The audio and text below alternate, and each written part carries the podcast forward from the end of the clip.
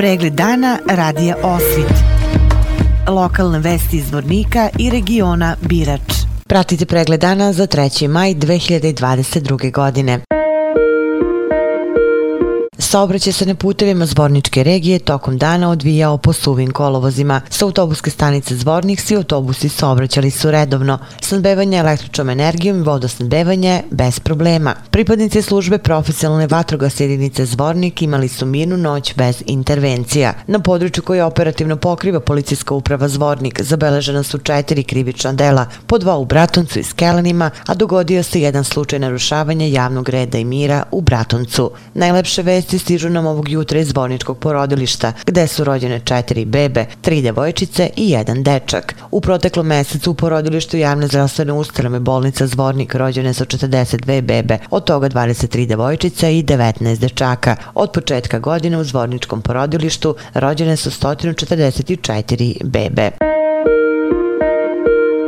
Učenici osnovnih škola sa područja regije Birač kroz takmičenje su proverili svoje znanje o saobraćaju, a najbolje su se pokazali učenici osnovne škole Sveti Savo iz Vornika, koji su bili sve ukupni prvaci. Kako saznajemo od Vladanke Ješić, sekretara Automoto društva Semafor iz Vornika, učenici osnovne škole Sveti Savo iz Vornika sa vođom ekipe, nastavnikom Milenkom Lazarevićem, dominirali su i ove godine. Njima je pripalo prvo mesto u ukupnom takmičenju, dok su učenice Teodora Vidaković i Sara Živković bile najbolje u ženskoj konkurenciji. Osvojile su prvo i drugo mesto, a Nemanja Radović je bio najbolji u muškoj konkurenciji. Učenici osnovne škole Sveti Sava plasirali su se na republičko takmičenje koje će se 26. i 27. maja održati u istočnom Sarajevu. Na regionalnom takmičenju deca u saobraćaju 2022. sa područja Zvornika učestvovali su predstavnici četiri škole Sveti Sava iz Zvornika, Petar Kočić iz Kozluka, Jovan Cvić iz Drinjača i Ibu Karadžić iz Roćevića.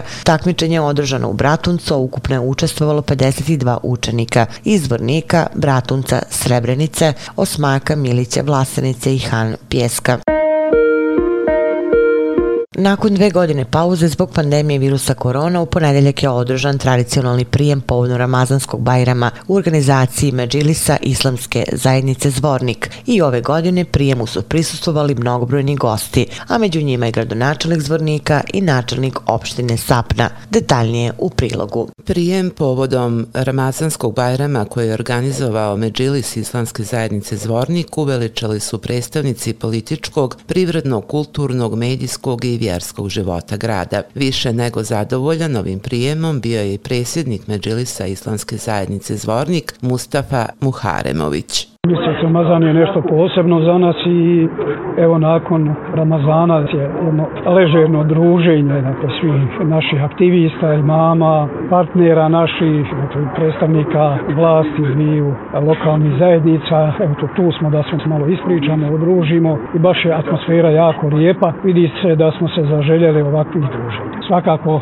želim e, našim gledovacima, slušalcima čestitati ovaj Mubarak dan, da šerif, šerif Mubarak Glavni ima Međilisa Haris Mustajbašić izrazio je zadovoljstvo zbog mogućnosti da se na kratko prekinuta tradicija zbog pandemije virusa korona nastavi i ujedno uputio je Bajramsku čestitku svim muslimanima u Zvorniku, Bosni i Hercegovini i svijetu. Nakon jednog, eh, da kažemo, vrlo lijepog ramazanskog perioda, prepunog raznih aktivnosti, evo imamo priliku da na neki način uživamo u svemu onome, da se prisjećamo svega onoga što smo kroz Ramazan prolazili, da na neki način malo sumiramo sve te emocije, rezultate, zadovoljstvo je ponovo sredstvo ove ljude sve na jednom mjestu. Ovo je izvanredna prilika da svim muslimanima širom svijeta, posebno onima sa područja našeg mežlisa u domovini dijaspori, da zaželimo mu barek e, bajramske dane, uz ovo Allah Đelešanu da primi sve naše ibadete i bude zadovoljan sa svima nama,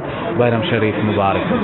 Gradonačelnik Zvornika Zoran Stevanović je također prisustvovao prijemu. On je u svojoj čestici istakao. Da im poželim prije svega dobro zdravlje, porodičan život da bude u prvom planu svima nama. Sve polazi odatle. Ja sam srećan što to mogu da podijelim sa, sa svojim sugrađanima bošnjačke vjeroispovijesti i ovaj dan.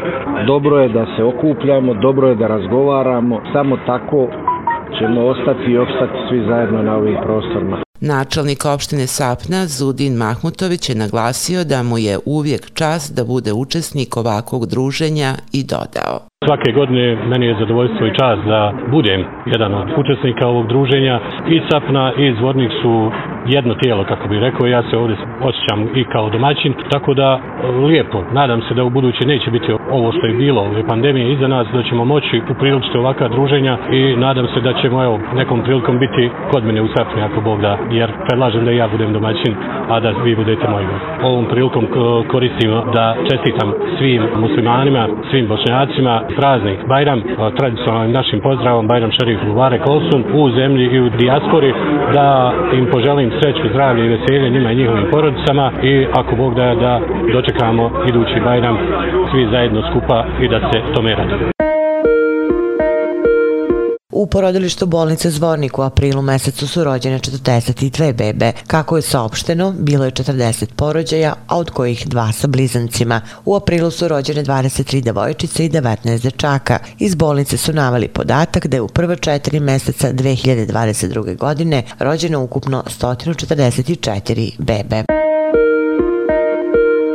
U Bratuncu je počela tradicionalna kulturno-sportska manifestacija Đurđevdanski dani 2022. godine, koja se održava do 6. maja Đurđevdana. Program je otvoren sajmom sporta na kome su učestvovali sportski kolektivi sa područja opštine Bratunac. U večernim časovima svoj nastup su imali članovi hora Dom kulture Bratunac, nakon čega je svoj koncert održala poznata beogradska grupa Piloti. U okviru manifestacije danas u 18 časova i 30 minuta održava se Đurđevdanski festival festival folklora Bratunac 2022 u organizaciji Kulturno-umetničkog društva Most iz Bratunca. U Domu kulture nastupit će šest društava iz Republike Srpske i Srbije. Trećeg dana na Gradskom trgu svoje stvaralo što predstavit će sve tri osnovne škole iz Bratunačke opštine, a svoj nastup će imati i Deči vrtić Radost. Nastup će imati i pisci. U večernim časovima od 20 časova u Domu kulture je književno večer na kojem će svoja dela predstaviti članovi udruženja književnika Republike Srpske.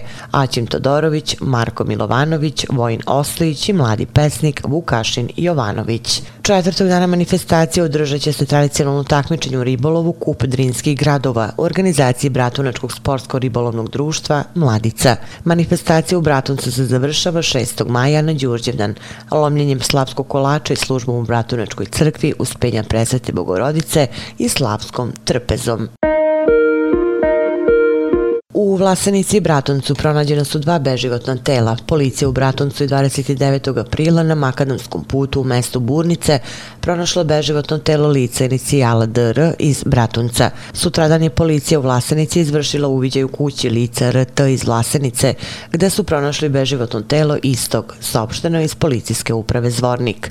U oba slučaja je konstatovano da je smrt nastupila prirodnim putem kao i da nije bilo tragova nasilja. O svemu su obavešteni dežurni tužioci okružnog javnog tužilaštva Biljina, područna kancelarija Srebrenica i okružnog javnog tužilaštva Istočno Sarajevo. Detalji na sajtu radioosvit.com. Lice koje je upućivalo ozbiljne pretnje po život lišeno je slobode u Srebrenici. Kako je navedeno u saopštenju policijske uprave Zvornik, lice uhopšeno zbog sumnje da je počinilo krivično delo ugrožavanje sigurnosti. U saopštenju je navedeno da je lice VS iz Srebrenice lišeno slobode nakon prijave od strane lica BI iz Srebrenice da je fizički nasrtalo na njega te upućivalo ozbiljne pretnje po život i telo. O svemu navedenom je obavešten dežurni tužilac okružnog javnog tužilaštva iz Bjeljine.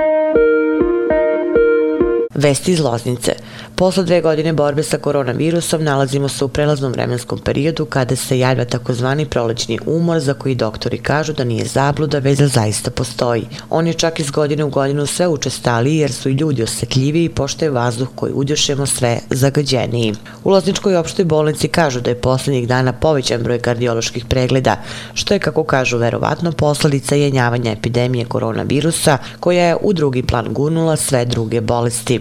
Smatra se i da prolećni umor prouzrukuje nedostatak vitamina i minerala, stoga je potrebno da se uzimaju vitamini C i B koji hrane nerve, a najvažnije odmor.